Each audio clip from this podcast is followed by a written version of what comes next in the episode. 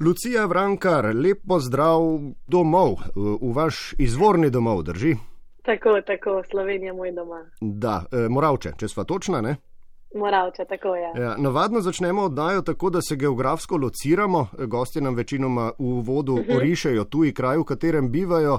Vidva bo v to, razen če se potem pogovarjava izključno o Dubaju, ne, e, težko naredila. Kje ste, ali bolje, kje vse ste preživeli zadnjih nekaj let? Uh, v bistvu lahko rečem, da po celem svetu, vsega pomal, na vsakem kontinentu, mečkan in skoraj v vsaki državi. Uh mhm. -huh. A slučajno imate podatek o tem, koliko ur pa, ali pa koliko kilometrov ste prepotovali na več tisoč metrih nadmorske višine? Sem si rekla, da moram zračunati, zdaj, ker sem končno zaključila s tem, ampak nisem še do dobra zračunala. No? Lahko pa rečem, da sem šla vsaj petkrat okoli sveta, kar se tiče kilometrov. Wow, koliko mest je to, koliko ste jih, pa se bom spet popravil, raje kot uh, ste videli, bom vprašal, v koliko različnih krajih ste spali. No? Je ta obeseditev boljša? ja, veliko, veliko boljša. Ponovadi nimaš dovolj časa, da si pogledaš kakšno mesto, oziroma si preveč utrujen. Tako da v večini krajev sem v bistvu samo prespala. No? Tako da jaz bi rekla, približno, ne vem, vsaj 70, 90, tam nekje. Eh, kako je sicer urejeno prenočevanje za letalsko osebje oziroma tako imenovani layoverji v mestih, kjer uh -huh. je mhm. treba prespati, da letite potem naprimer naslednji dan kam drugam? No? Kje ste spali? Uh, v bistvu nam je služba organizirala torej, prenočišče v luksuznih hotelih. Moram reči, da še nikoli nisem pač prespala v takšnih hotelih in očitno tudi ne bom več, ker to so bili hoteli z štirimi, petimi zvezdicami. Um, in nam tudi uredijo prevoz iz letališča do hotela in potem seveda naslednji dan iz hotela do letališča. No. Tako da mhm. ima vsak svojo sobo in potem dobimo dnevnico, da si lahko kupimo zajtrk, kosilo, večerjo in podobno. Ste torej praktično doktorirali iz prenočevanja v hotelih, zdaj imate že tako izostren čut za to, da takoj ali pa bistveno hitreje, recimo kot kak povprečen turist, prepoznate kakovost ponudbe, ne vem, higijenske standarde, pa ostalo, kar je še relevantnega pri ponudbi določene namestitve, ali sploh ni bilo uh -huh. dovolj kako bi rekel, uh, spektra te kakovosti, če ste spali samo v luksuznih hotelih? Mislim, spektr je bil, vse se tudi luksuznih hotelih uh, razlikujejo med sabo. No? Tako vidiš po daljincu za televizijo. Če je daljinc tak zanemarjen, pa umazan, pa veš, da, da ni li higiena na vrhuncu, ker to je res ena stvar, ki se redko, redko čisti v uh mhm. -huh. hotelskih sobah. No? Pa seveda kopalnica. Jaz prvo stvar, ko pogledam, je kopalnica, še pridno razpakiram stvari, ker če je kopalnica umazana, pa polna prstnih otisov, potem pač enostavno zahtevam novo sobo, zato ker um, ne vem, težko je, če veš, da je en pred tabo pač bil, pa da ni dobro počiščeno. In uh, v bistvu vsak človek, ki pač biva v hotelu, si lahko zahteva novo sobo. No, jaz mislim, da ne bi bilo problema, uh mhm. -huh. vedno zamenjeno. No. Do zdaj je bilo vedno nobenega problema. No. Uh -huh. uh nobenega problema pri menjavi. E, ampak, tako, no, tako. Bi, zdaj bi lahko vprašal po najboljši, ampak se mi zdi neskončno bolj zanimivo, e, novinarsko, mrhovinarsko, zgor ali dol e, nasprotno. Torej, a lahko z nami delite kakšno presenetljivo slabo ali pa najslabšo hotelsko izkušnjo? Morda bo komu tudi, razmišljam, pomagala, če bi se s mm. predhodnim znanjem bi bilo mogoče, da nimo izogniti, ne? smo nam reč v času dopustov. Uh mhm. -huh. Mhm. Tako, jaz bi v bistvu se osredotočila bolj na uh, strani sveta. Naprimer, Amerika ima zelo, zelo slabe hotele, uh, zelo stari, temni. Potem, pa, ko gremo naprimer, v Azijo, so pa veliko, veliko boljši. Najboljši hotel, v katerem sem spala, je bilo v, na Filipinih, torej Manila. Pač to je bilo res next level, ko si prišel, so te pozdravili s takimi uh, brezalkoholnimi koktejlčki, že v avli hotela, pač vsakega človeka, naprimer, nekaj se je prišel torej check-inat v hotel. Zdaj Evropa ima v redu hotel, odvisno katera država. Nemčija, veliko sem spala tudi po Nemčiji, sicer pa srednji sloj hotelov, bom rekla, v Evropi. No. Uh mhm. -huh. Koliko časa ste pa potem preživeli v Dubaju? Um, lahko rečem, da sem spala v Dubaju dva dni na teden, um, vse ostalo pa v bistvu po hotelih, tako da zelo, zelo malo časa, oziroma med korono, torej potem, ko se je cel svet zaprl, ko smo ostali dol, pač veliko več. Kolikšne so možnosti, da boste šli kdaj na počitnice v Dubaj? Stoprocentne.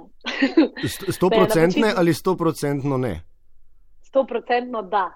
Aha, stoprocentno da. Zakaj? Ja, jaz vedno pravim, da Dubaj je super izkušnja oziroma super destinacija za en teden, uh, da uideš malo med zimo na toplo, ne pa bi več živela pač dol. Tako da, absolutno pa bom šla obiskati moje prijatelje, prijateljice, ker vam zdaj dol v bistvu skoraj tako kot družino ker smo se tako povezali, ker smo bili vsi brez družine dol, vsi smo delali kot pač prišleki, tako da absolutno jih bom šla pogledat, to predvsem. Uh -huh. Zakaj ste se pa Dubaja naveličali kot kraja, v katerem bi bivali oziroma živeli? Mm, ne bi rekla, da sem se ga naveličala, samo spoznala sem, da ni to mesto za me. Jaz sem vaško dekle in uh, potrebujem naravo, potrebujem spremembo vremena, tam je vsak dan isto. Uh, torej, ljudje delajo, ali pa zapravljajo denar. Pač ni tistega umestnega življenja, tega počasnega, kot ga imamo tudi v Sloveniji. Torej, greš v službo ob 9. zjutraj, priješ domov ob 6. zvečer, poješ večerjo, greš, ne vem, mogoče pogledati kakšno serijo in greš spat in potem naslednji dan isto. In ljudje delajo 6 dni v tednu, ne vem, ne vidim moje prihodnosti tam in sem pač rekla, da da počasi zaključim Dubajem in ga obiskujem samo še kot turist. Pogovarjamo se z Lucijo Vrankar, zadnja tri leta ste vrdeso pri eni največjih arabskih letalskih družb, ki je pred kratkim dala odpoved iz razlogov lepo opisanih v njenem vlogu, objavljenem na portalu YouTube in na družabnih omrežjih, ki ga je povzelo tudi kar nekaj medijev, eh, nekateri, če sem vas prav razumel, eh, celo brez vaše vednosti, ne da bi sploh z vami naredili kakšen intervju, no pa še sreča po svoje, eh, ker bi bili sicer sicer še bolj naveličeni ponavljanja te svoje zgodbe, kar eh, tudi zdaj počneva, če smo pošteni. Rekli ste, da ste eh, v Dubaju postili veliko prijateljev, ne? Eh, tudi o osamljenosti ste spregovorili v enem uh mhm. -huh. svojih vlogov, osamljenosti, ki je ironično posledica tega, da ste imeli v zadnjih treh letih stike z ogromno ljudmi, ne? hkrati pa praktično uh -huh. z mhm. nobenim od teh niste mogli stkati tesnejših, globljih, no ali pa z redkimi. Zakaj? Um, v bistvu sem stkala torej, globja razmerja s temi ljudmi, ki jih imamo v Dubaju, torej moje prijateljice in prijatelji.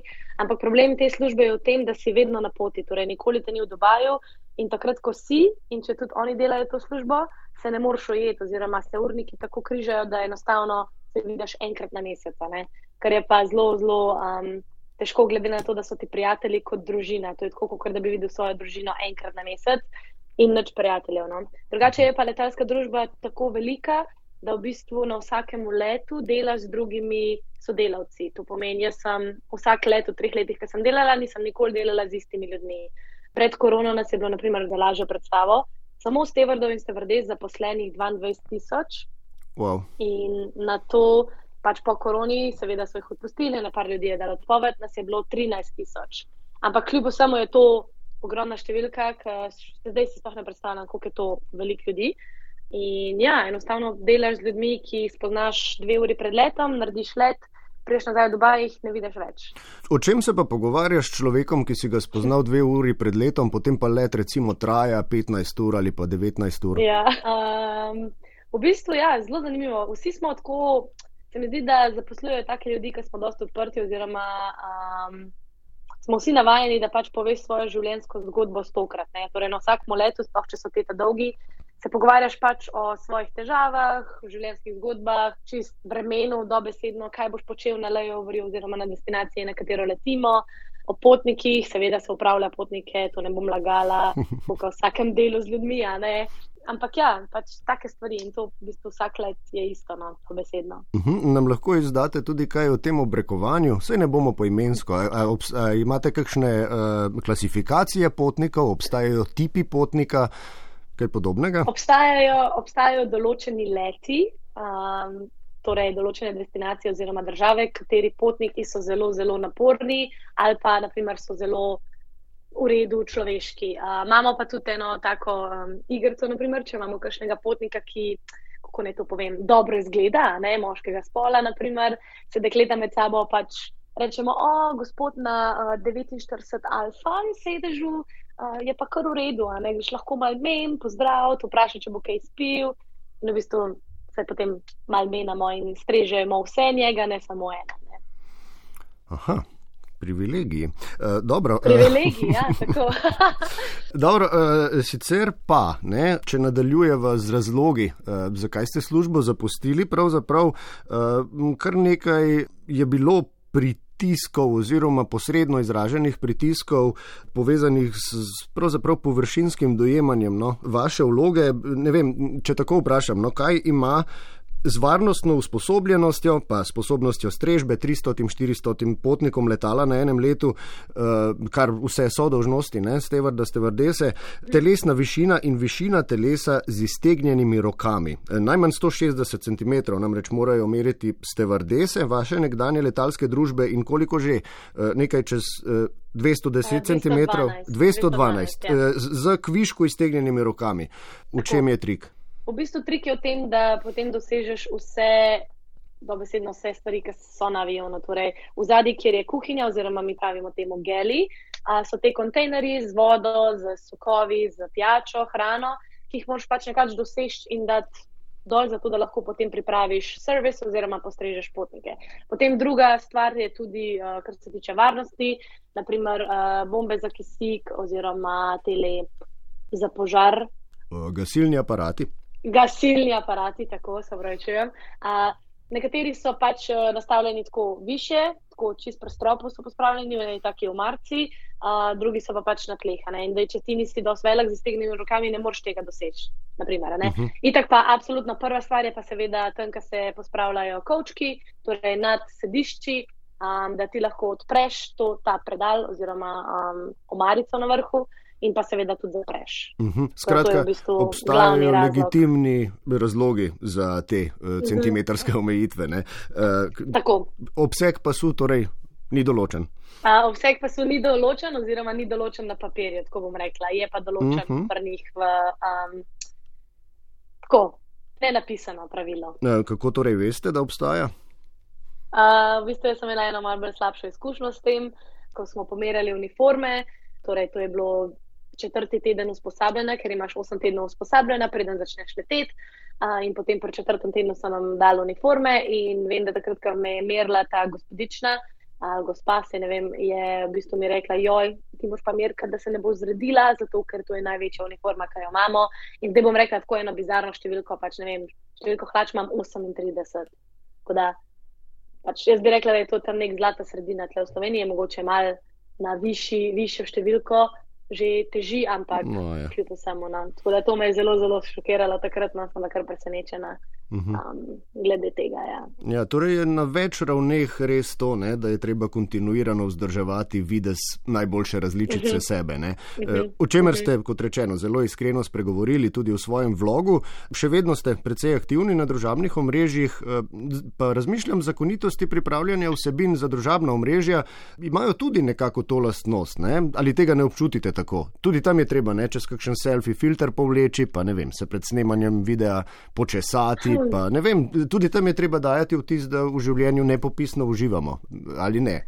Iskreno ne bi rekla, zato ker potem tudi ne bi objavila ta video, zakaj sem dala odpoved, ker sem res povedala iskrene moje občutke in kako. In tudi jaz snimam, če, če kdaj gledate, snimam v pižami, oziroma ko se zbudim, ker mi je res dobesedno, ne da mi je vse en, ampak ne želim se predstavljati v najboljši luči, ker to dolgotrajno ne gre. Predstavljam se, kako sem, um, oziroma kar se tiče filtrov, pa Instagrama, sploh ne. Uh mhm. -huh. Ampak uh, se mi zdi, da zdaj v Sloveniji se ta trend počasi umirja. No? Se mi zdi, da na začetku je bilo veliko bolj tega, zdaj pa mislim, da so ljudje spoznali, da se z realnostjo, pa z preprostostjo pride najdeljno. Uh mhm. -huh. Pristnost velja. Pristnost velja. Uh mhm. -huh. Kakšni so lucija vaši načrti za prihodnost, da nima prihodnih nekaj let, pa potem čez pet, deset, eh, kdaj ste se vrnili? Uh -huh. Nedavno, ne? Uh, še en teden nazaj, no. Uh mhm. -huh. Čisto iskreno bom si zdaj vzela malo časa zase, lihto, da se navadam nazaj na ta ritem, da se ustvarjam neko rutino. Potem pa, ne vem, poiskati službo. Uh, seveda si želim v prihodnosti imeti partnerja, otroke, uh, si ustvariti nekaj tukaj v Sloveniji, ker se mi zdi, da je Slovenija ena taka super država za živeti. Um, vzgajati moje otroke v slovenski kulturi, ker sem zdaj spoznala to kulturo in uh, so zelo zanimive in vse, ampak še vedno se vračam pač k naši kulturi in jo želim nekako um, vzdrževati tudi z mojimi otroki. No. Služba pa? Uh, nič več takega, kar bi vas peljalo po svetu, oziroma vsaj ne v um, taki meri? Vsaj ne v taki meri. Ja. Z veseljem bi si želela službe, ki bi mi omogočala potovanja, ampak da je to najdete, je pa druga, druga zgodba. Ja, pa verjetno ni ravno združljivo ne, z načrti o ja, družini. Ja, ja. Ja. Dobro, se torej vidimo v Sloveniji. Absolutno. Lucija Vrankar, uh, hvala za vse odgovore, za iskrenost in dobro voljo. Uh, vse dobro v prihodnje vam želimo, srečno, umoravče. Iskrena hvala za povabilo, lepo se imejte.